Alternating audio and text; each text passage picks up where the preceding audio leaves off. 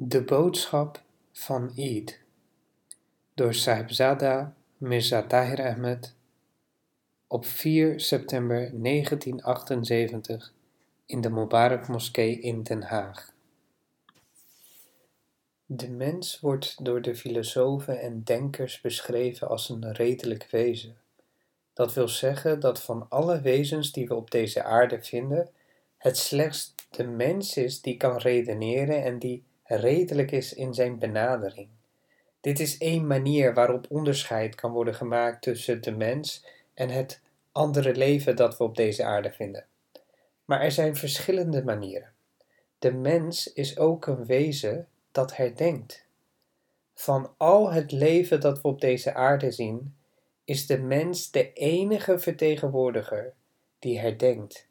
En dit onderscheidt hem van andere levensvormen omdat men bij andere wezens op bepaalde dagen geen herdenkingen aantreft.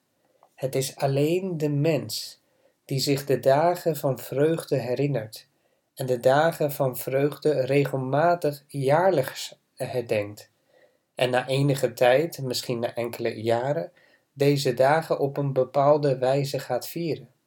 Dit is nog een onderscheid tussen de mens en de andere wezens. En ik geloof dat dit onderscheid nog beter van toepassing is dan het eerste. Hoewel de mens verondersteld wordt een redelijk wezen te zijn, is er slechts weinig redelijkheid op deze aarde te vinden. Zelfs de meest geavanceerde naties worden, als zij de reden moeten gebruiken, vaak zo onredelijk dat men de geldigheid van deze definitie in twijfel begint te trekken. En als u mensen ontmoet met vooroordelen, met, met bekrompen opvattingen ten aanzien van politiek, godsdienst, rassengelijkheid, waar u ook mensen ziet, er zal steeds erg weinig redelijkheid in hen zijn. Toch wordt de mens ter onderscheiding van het andere even een redelijk wezen genoemd. Maar het zich verheugen is algemeen. Ga waar u heen wilt, Bezoek welke plaats in de wereld ook.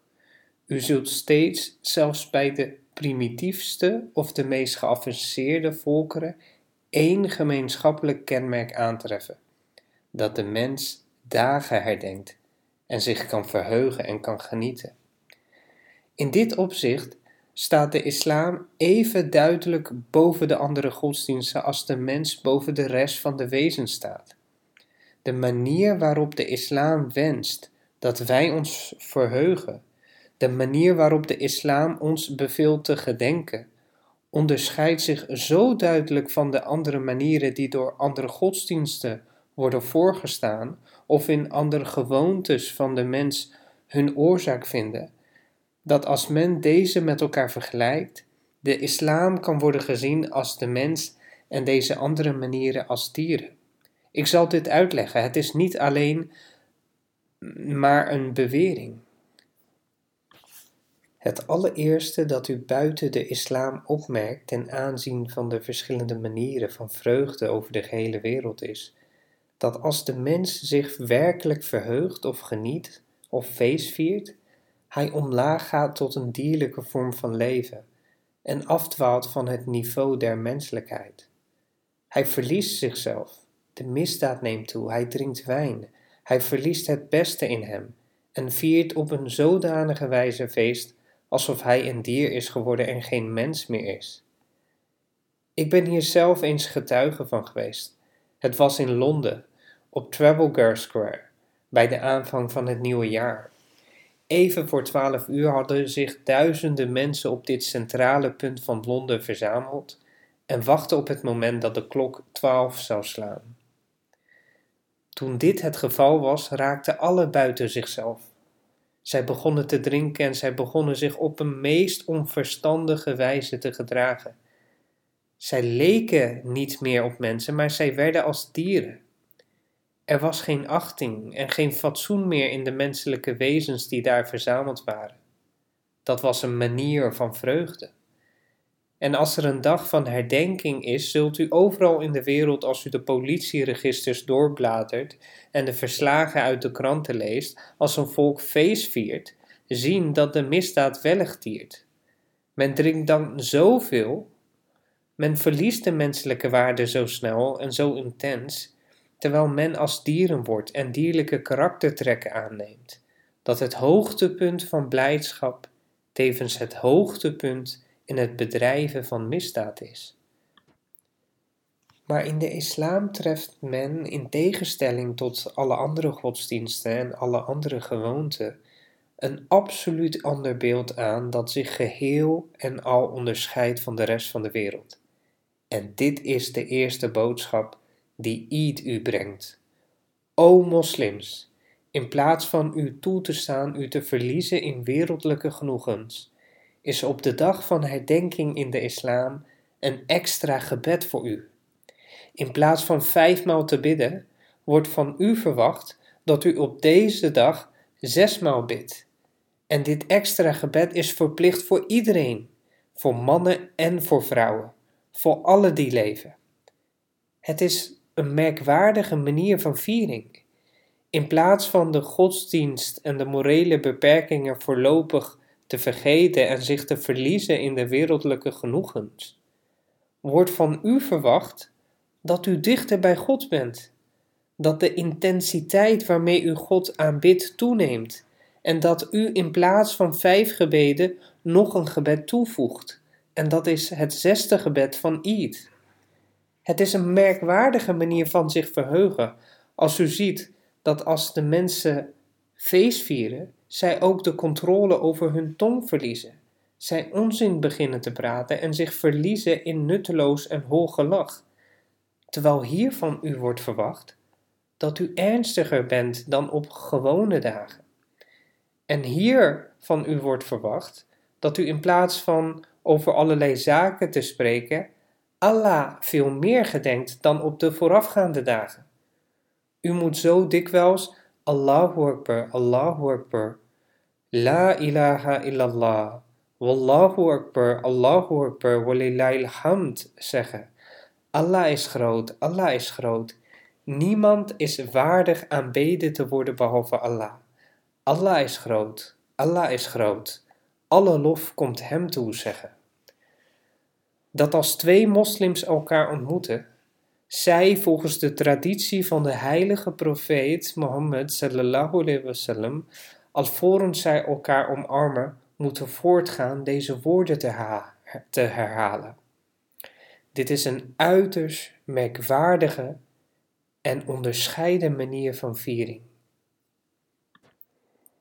Weer is hierin een les voor u dat een ware viering slechts kan worden verkregen als u dichter tot God komt en niet als u zich van Allah verwijdert. Als u zich van Allah verwijdert, is er geen viering in het leven en begeeft u zich in feite naar een ramp en begeeft u zich in feite naar ellende. En iedere stap die u van Allah verwijdert, moet u tenslotte tot vernietiging, ondergang en ellende leiden. U zult in een gemeenschap die zich van Allah verwijdert nooit bevrediging vinden. Eid geeft u dus deze boodschap, dat als u een gelukkige gemeenschap op deze aarde wilt stichten, een gemeenschap die u tevredenheid schenkt en innerlijke rust, een gemeenschap waarin het hart rust vindt, dan is de enige manier waarop u dat doel kunt bereiken, naar Allah te reizen, dichter bij Allah te zijn, en alleen hierin zult u permanente vrede en permanente geluk vinden. Dit is de tweede boodschap van Eid aan de moslims. En een dergelijke boodschap zult u nergens op aarde vinden. In geen enkele godsdienst, in geen enkele godsdienstig of stammengebruik. Als wij dus zeggen dat de islam een volmaakte godsdienst is, als wij er aanspraak op maken dat de islam alles overtreft, dan is dit niet slechts een aanspraak, het is een feit des levens. In ieder kenmerk van de islam kunt u, als u de islam met gelijke kenmerken van andere godsdiensten of gewoonten vergelijkt, positief bewijzen dat de islam op een veel hoger plan staat dan waarop alle andere godsdiensten gezamenlijk aanspraak kunnen maken. Er is nog een boodschap die Eid ons brengt, namelijk dat een ware viering niet gemakkelijk kan worden verkregen. U moet de dag van blijdschap verdienen. Aan de dag van vreugde, aan de ware dag van vreugde, moet een periode van opofferingen voorafgaan. De mensen die de dingen kant en klaar willen hebben, hebben niets met de islam uitstaande, omdat deze houding in de islam in het geheel niet wordt aangemoedigd. In feite wordt het afgeraden. In feite in het geheel niet wordt erkend. De islam zegt het volgende: Inna ma'al usri yusra. Dat wil zeggen, voorwaar gemak komt naast ongemak.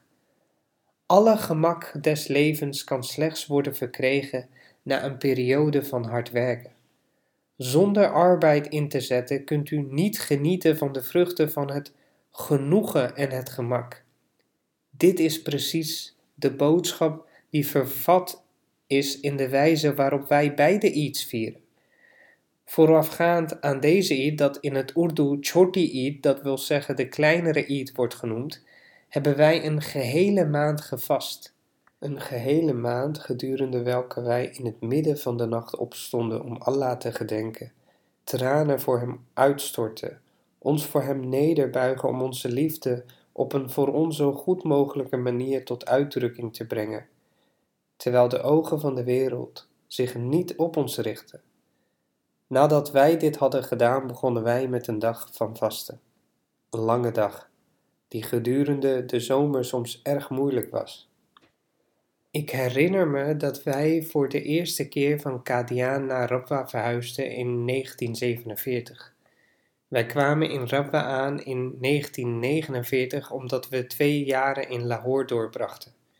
Gedurende die dagen hadden we slechts de beschikking over erg kleine leme vertrekken, omdat de gemeenschap zich niets kon veroorloven en onze familie alle bezittingen in Kadiaan had verloren. Wij konden ons dus geen grote huizen veroorloven, doch slechts kleine kamers die wij katja-kamers noemden. Zij bezaten geen daken en de temperatuur steeg gedurende de zomer tot 48 Celsius en soms meer. Gedurende de dag en in de nacht, soms een gehele week lang, kwam de temperatuur niet beneden de 43 Celsius. Er was geen e- elektriciteit en er stonden ons geen andere faciliteiten ter beschikking. De vaste maand Ramadaan viel gedurende die tijd precies in het midden van de zomer, in juni en juli. En ik herinner me dat de mensen uit Rabwa, als zij vasten in die periode, bijna een doodsbeproeving moesten doorstaan. Als de tijd van het breken van de vasten kwam, was iedereen zo volledig uitgeput dat men zich soms niet kon verplaatsen om zelf water te halen. Men zette daarom een kan water dichtbij en wachtte op de tijd dat de vaste zou worden gebroken. Dit is dus inderdaad een les dat als u een ware viering wilt hebben en een waar geluk, u uw leven moet verdienen. U uw geluk moet verdienen. Door alleen maar niets te doen, kan het geluk niet aan uw voeten worden gelegd. Dit is het vage leven van sommige mensen in sommige landen. Sommige mensen geloven namelijk dat als zij doorgaan met zingen en zich verheugen en het genieten van het wereldse leven, plotseling een profeet uit de hemel nederdaalt en hun lot verheft en hen tot overwinnaars over de gehele wereld maakt. Dit kan eenvoudigweg niet gebeuren. Dit is niet in lijn met het algemene islamitische karakter. De islam geeft u niet een dwaas, vaag leven van niets doen, terwijl u toch grote overwinningen en grote successen behaalt. Wat de islam u leert is dat u een periode van lijden moet doormaken, voordat u kunt denken aan het binnengaan van de hemel, voordat u kunt denken aan het bereiken van enige soort van geluk. Dit is precies wat is afgebeeld in het leven van de heilige profeet van de islam, Hazrat Muhammad Mustafa sallallahu alayhi wasallam. Hij doorstond een zeer zwaar leven van vervolging voordat de islam overwon. Dertien jaren van intense vervolging, alvorens hem werd toegestaan naar Medina te migreren en tien jaar van groot lijden en van een voortdurend levensgevaar gedurende zijn verblijf in Medina. Hierna begon de islam te zegevieren. Als dus de meesterprofeet, vrede zij met hem, dit grote lijden had moeten doorstaan om de uiteindelijke zegepraal van de islam te bewerkstelligen, hoe kan dan plotseling een ondergeschikte profeet uit de hemel nederdalen? En de mensen zeggen dat zij plotseling op die dag de overwinning behalen. Gisteren werden zij nog door de wereld vertrapt en vandaag ben ik gekomen. U hoeft geen vinger uit te steken. Slechts door mijn komst hebt u de overwinning behaald. Dit is onmogelijk. Dit is tegen het karakter van de islam. En dit is tegen het levenspatroon van de heilige profeet van de islam. Wat Allah van u verwacht is het volgende. Zet alles in op de weg van deze zegepraal. Zet alles wat u bezit in op de weg van de dienst aan de islam. Moeilijkheden met betrekking tot de waarschijnlijkheid en moeilijkheden met betrekking tot de kwaliteit van de geest, het hoofd en het hart. En dan, als u dit gedaan heeft, dan zal de overwinning voor u zijn. Dan komt de Eid, die een ware dag van vreugde is. Ook dit is dus een boodschap aan alle moslims die Eid bevat. En ik herhaal weer dat een dergelijke boodschap niet zal worden gevonden in enige andere godsdienst waar u ook kijkt. Welke andere levenswijze of gewoonte men ook beziet. De islam onderscheidt zich hierbij vergeleken, zoals ik aan het begin reeds vermeldde, evenzeer als de mens zich onderscheidt van het dierlijke leven dat wij op deze aarde aantreffen. Zo is de goede hoedanigheid van de islam, zo is de suprematie van de islam, zo is de voortreffelijkheid van de islam. In ieder kenmerk van zijn leer zult u deze uitmuntendheid en deze volmaaktheid, die nergens op aarde kan worden aangetroffen, vinden. Eid geeft u dus deze boodschap, dat als u werkelijk een innerlijke rust, een geluk en een blijvende troost wilt genieten, u moet doorgaan met werken en lijden voor de juiste zaak. En weer heeft Eid een boodschap voor ons, namelijk dat er geen vreugde en geluk kunnen volgen op een slechte daad. Alleen goedheid verdient geluk. Hoewel van u wordt verondersteld gedurende uw gehele leven goede daden te doen en juist te handelen, toch wordt van u verwacht dat u, voordat u de twee iets van de islam viert, die daden van goedheid veel intensiever en veel bewuster verricht. Van u wordt verwacht dat u het aantal malen dat u Allah aanbidt verhoogt. Van u wordt verwacht dat u uw inspanningen en uw ziel veel, veel intensiever inzet dan tevoren. Er wordt u een weg en een leven van opoffering gegeven. Zelfs die dingen die volgens de islamitische terminologie halal wettige zijn en die normaliter voor u zijn geoorloofd, zelfs die dingen zijn u verboden. En als u dit vrijwillig en geheel zelf doet, dan verdient u een grote dag van vreugde. Dit is een les voor de moslims in alle facetten van het leven. Er waren tijden in de geschiedenis van sommige naties dat zij een periode van vasten moesten doormaken. Dit betekent dat hoewel het hun gewoonlijk was toegestaan in die bijzondere periode in het even van bepaalde dingen te genieten, Allah van hen verwachtte af te zien van dingen die zelfs halal voor hen waren. En dit alles voor de zaak van de grote overwinning. En dit is precies wat gedurende tijden van beproevingen gebeurt. Wij Ahmedis maken thans een grote beproeving door. Wij staan oog in oog met een zeer grote vijand. Dat zijn al de krachten die tegen de islam worden losgelaten. Welke naam u ze ook geeft, ze zijn tegen de islam. Hun actie is tegen de islam. Noem het kapitalisme, noem het communisme of geef ze een andere naam, godsdienstig of anderszins. Maar uiteindelijk is het resultaat van deze krachten en deze stromingen gericht tegen de islam, tegen de waarden en de grondbeginselen van de islam. U, een kleine gemeenschap, bent dus geplaatst tegenover zulke grote krachten op aarde. Ze lijken op bergen die met mieren worden vergeleken, als we hun positie vergelijken met de uwe. Maar Allah geeft u een boodschap en Allah belooft u dat als u al uw beste pogingen aanwendt, als u voor de zaak van Allah zelfs afziet van de juiste dingen die normaal voor u geoorloofd zijn, dan zult u zeker de overwinning behalen. Tariq Jadid geeft u bijvoorbeeld een boodschap om een zuiver leven van soberheid te leiden. Hoewel u normaal zoveel kunt eten als u wilt en zoveel soorten voedsel kunt gebruiken als waaraan u behoefte heeft. Dit is in het geheel niet haram.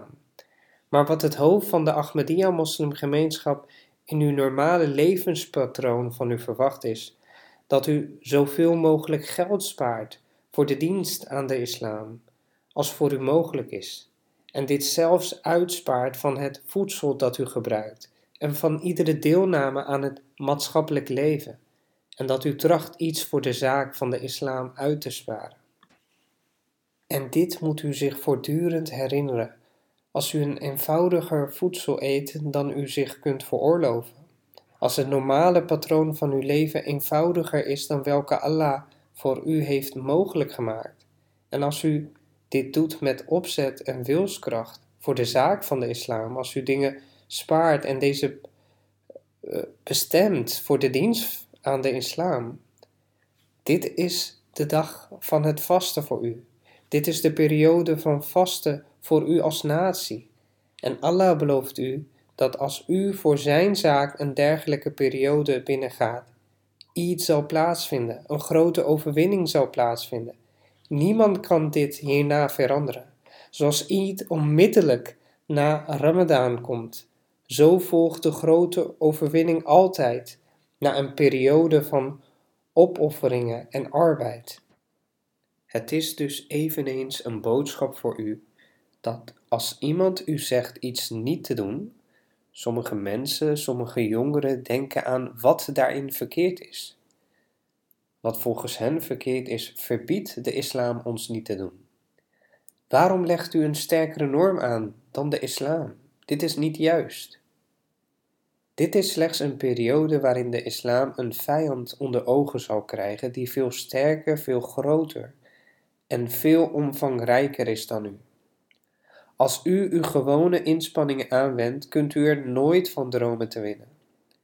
Zelfs als u uw beste pogingen aanwendt, alle pogingen die u kunt aanwenden voor deze zaak, zelfs dan is er geen vergelijking. Maar dan zal het ontbrekende gedeelte door God zelf worden aangevuld. Dit is precies wat Hij steeds heeft gedaan. Als u zich dit wilt voorstellen, verplaats u dan eens terug in de geschiedenis van de islam. Stelt u zich eens de totale sterkte van Hazrat Muhammad Mustafa sallallahu alaihi wasallam en zijn volgelingen voor in vergelijking met de rest van Arabië, in vergelijking met het grote oostelijke rijk van Khusrus, het Perzische keizerrijk, in vergelijking met China, in vergelijking met enerzijds het Romeinse Rijk en anderzijds het Oostelijke Rijk. Voer deze feiten in welke moderne computer ook en het antwoord zal onveranderlijk zijn dat de profeet van de islam zal verliezen en de rest van de machten zal overwinnen. Maar wat is de feitelijke boodschap van de geschiedenis? Zij is precies het tegenovergestelde. Toen zij al hun beste pogingen aanwenden, ondanks het feit dat zelfs het totaal van hun beste inspanningen niet voldoende was om de uitdaging aan één zijde het hoofd te bieden, of zelfs maar de uitdaging van de vijandige machten in Arabië zelf, laat staan van de westelijke en de oostelijke rijken, zelfs dan zult u moeten concluderen dat zij volgens de gewone wereldse berekeningen zouden moeten worden verslagen. Maar de islam zegevierde op een zodanige en een zo krachtige wijze en zo onweerstaanbaar dat hij met grote stappen in alle richtingen ging die hij maar wenste te gaan. Waarom? Omdat de rest van hun inspanningen door Allah zelf werd aangevuld. Er is geen andere verklaring. Er is geen redelijke andere verklaring dan deze. Dit was een wonderlijke overwinning die deze mensen door Allah werd geschonken. Ik moet u zeggen dat zelfs als de Ahmadis van heden hun beste pogingen aanwenden voor de dienst van de islam, zij niet eenvoudigweg kunnen winnen door louter de verdiensten van hun inspanningen. Maar er is één bestanddeel dat u zich steeds moet herinneren. En Eid brengt u deze les in herinnering. Deze les is vervat in de woorden die u gedurende Eid herhaalt. Allahu Akbar, Allahu Akbar. La ilaha illallah. Wallahu Akbar. Allahu Akbar. Walillahi alhamd. In de ogen van de wereld bent u zeer klein. Maar herinnert u dat uw Heer de grootste is. Allahu Akbar. Er is niemand dan God die groot is. En alle machten van het oosten en het westen, van Europa en Rusland en China, die in uw ogen overweldigend schijnen te zijn, zijn niets in vergelijking met de macht van Allah. Hij is de machtigste. Hij is de grootste. Als u de zoonmeester hebt, waarvoor zou u dan bang zijn? Ga door met de strijd. Ga door met het vervullen van uw taak. Ga door met het doen van uw plichten en kom uw verplichtingen na en geef de rest aan Allah. Laat het uiteindelijke resultaat in de veilige handen van Allah zijn, omdat Hij de machtigste is, omdat Hij de grootste is. Alle eerder genoemde machten zullen tot niets vervallen. Zij zullen hun einde bereiken, dat uit niets anders zal bestaan dan vernietiging en verwoesting en een uiteindelijke en laatste nederlaag. Plaats dus uw bestemming in die macht en kom nader tot die macht die de grootste is. Allahu Akbar geeft u dus nog een boodschap. Allereerst, wis het alle vrees uit. Het verwijdert alle vrees en verdenkingen en twijfels uit uw harten en verklaart u: ziet, u bent niet klein, omdat u verwantschap heeft met de grootste van alle machten die bestaan. Op de tweede plaats geeft Allahu Akbar u de les dat indien u deze macht alleen maar groot noemt en indien u niet iets van haar grootheid tracht te bereiken, dit louter dwaasheid is. Als u iets groots verricht, als u iets werkelijk groot beschouwt, probeert u altijd iets soortgelijks te bereiken. U beweegt zich in die richting. En in het bijzonder gedurende een tijd van beproevingen, vrees en gevaar kunnen we slechts denken: laat ons snel in de richting van de krachtige dingen bewegen, want zij kunnen bescherming bieden. Gewoonlijk kunt u het verschijnsel waarnemen dat kinderen op straat spelen en dan voorlopig hun moeder vergeten. Zij begeven zich soms ver weg, soms kilometers ver van huis, omdat er voor hen ogenschijnlijk geen vrees en geen gevaar is. Maar als zij met enig gevaar of een zekere vrees worden geconfronteerd, zullen zij naar huis terugrennen, naar de veilige schoot van hun moeder. Dit is de les die is vervat in Allahu Akbar, Allahu Akbar, La ilaha illallah. Wallahu Akbar, Allahu Akbar, walillahi alhamd. U wordt geconfronteerd met een wereld vol met gevaar. U wordt geconfronteerd met een zeer grote vijand. Als u werkelijk denkt dat Allah de grootste is, waarom loopt u dan weg van Hem in plaats van naar Hem toe te lopen? Weg van Hem in het net van het gevaar. Waarom? Als u oprecht bent in uw aanspraak, als u oprecht bent en eerlijk in uw verklaring dat Allah de grootste is.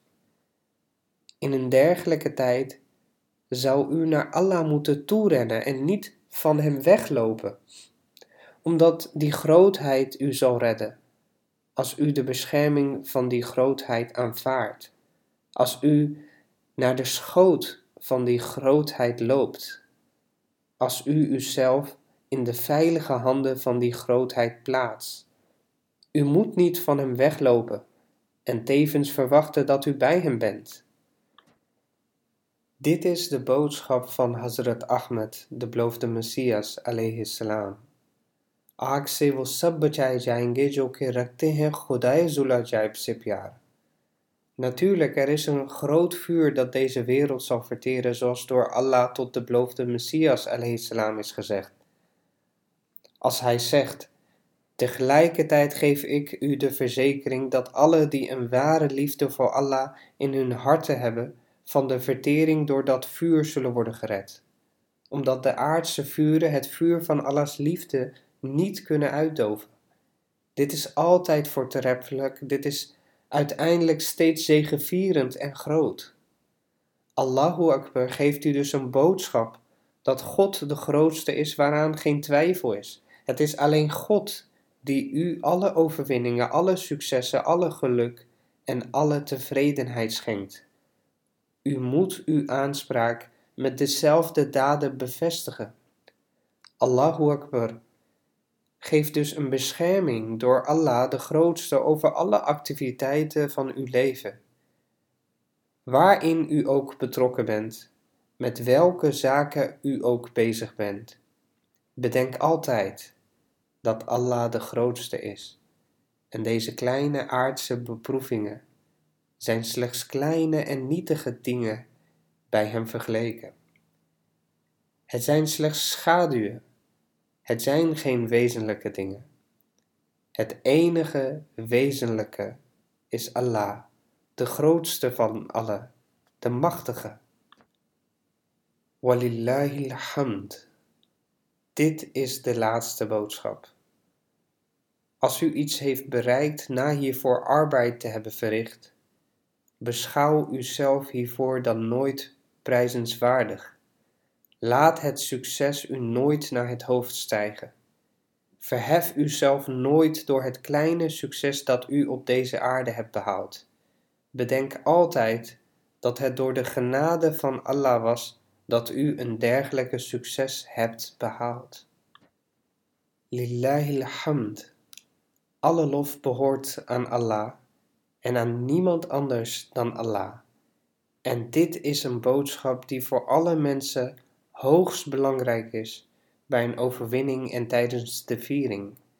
Zij die het contact met deze levensfilosofie verliezen, zij die dit tijdens de viering vergeten, zij doen steeds kwaad, hetgeen eindigt in verder kwaad en verder onheil voor de mensheid.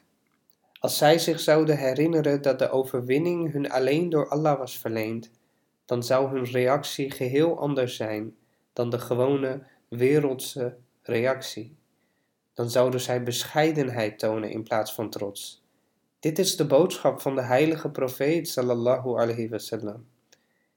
En niet alleen deze boodschap, maar het werkelijke leven van de heilige profeet sallallahu alayhi wasallam bevestigde deze zienswijze.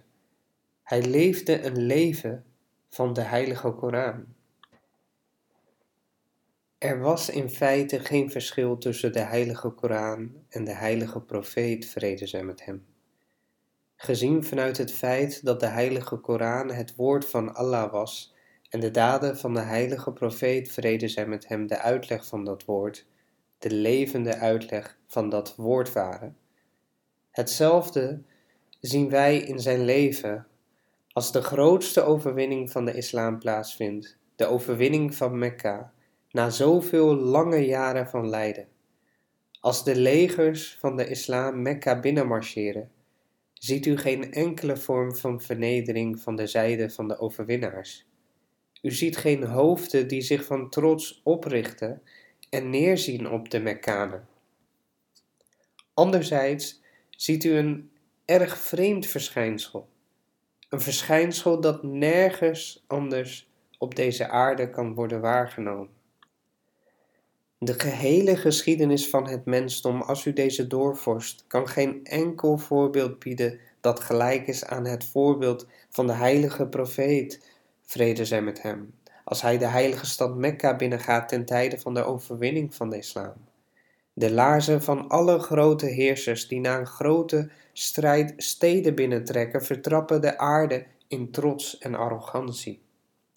Hun hoofden zijn hoog verheven en zij beschouwen zich als God. Zij bekijken de vijand alsof deze niets is, iets dat moet worden vertrapt en vaak is deze vertrapt door de hoeven van de paarden. Dit is het verschijnsel dat u over de gehele wereld waarneemt. Maar ten tijde van de overwinning van Mekka zagen wij iets geheel anders. Walillahil hamd, walillahil hamd. Dit was de boodschap toen zij de stad binnengingen. Toen Hazrat Muhammad Mustafa sallallahu alayhi wasallam Mekka binnentrok, riep hij, zoals de traditie ons vertelt, de lof over Allah uit. Zijn ziel boog zich voor Allah neer, zijn lichaam boog zich neer voor Allah. Terwijl hij op zijn paard reed, raakte zijn hoofd zelfs het zadel waarop hij gezeten was. Hij boog zich op zijn rijdier neer bij het binnengaan van de stad. Kunt u uit de geschiedenis van de mensheid ooit een dergelijk beeld tonen? Of een ander beeld dat erop lijkt? Nergens op aarde kunt u zien dat zo'n mooi wonder gebeurt, dat de grootste van de zegevierende volkeren, de grootste der mensen tijdens de overwinning, in plaats van het hoofd fier en krachtig op te heffen en zichzelf op te richten, zich voor God neerbuigt, en wel zodanig dat hij zelfs niet gezien kan worden. Zijn gezicht is onzichtbaar. Hij is volledig van het toneel verdwenen. Het enige dat duidelijk voor iedereen verschijnt is stil, neergebogen en verborgen. Hij reciteert de naam van Allah. Allahu Akbar, Allahu Akbar. La ilaha illallah. Wallahu Akbar, Allahu Akbar, walillahil hamd. Hij moet worden geprezen voor alle overwinning, voor alle geluk, voor alle vreugde die aan ons aan het mensdom zelf is toebedeeld. Herinner u deze boodschap. Mogen God met u zijn. Werk hard voor de zaak van islam. Dit land heeft u opofferingen nodig. U eet de vruchten van dit land. En u moet loyaliteit tonen jegens de staat van deze mensen en de beste beloning voor het eten van hun vruchten is hun het voedsel van de islam aan te bieden. Een veel beter voedsel, een veel duurzamer voedsel, een voedsel dat nooit een verkeerde of slechte uitwerking zal hebben. Dit is het beste antwoord voor een volk. En dit is hetgeen van u wordt verwacht. Bereik dat doel en ieder jaar zal het ware feest van de overwinning van de islam dichterbij komen. U zult op ieder dag meer mensen uit Holland zien en meer mensen van vele nationaliteiten die hier met u Eid vieren. Dit zal het ware geluk en de ware vreugde zijn voor de Ahmadis. Dit zal de ware Eid zijn, want hoe meer de sfeer van de islam groter wordt, hoe meer de vier muren van de islam zich uitbreiden, hoe meer geluk dit ons zal geven, hoe meer tevredenheid dit ons zal geven. Mogen God u en alle mensen zegenen en mogen God ons naar het rechte pad leiden en ons op het rechte pad houden. Amen.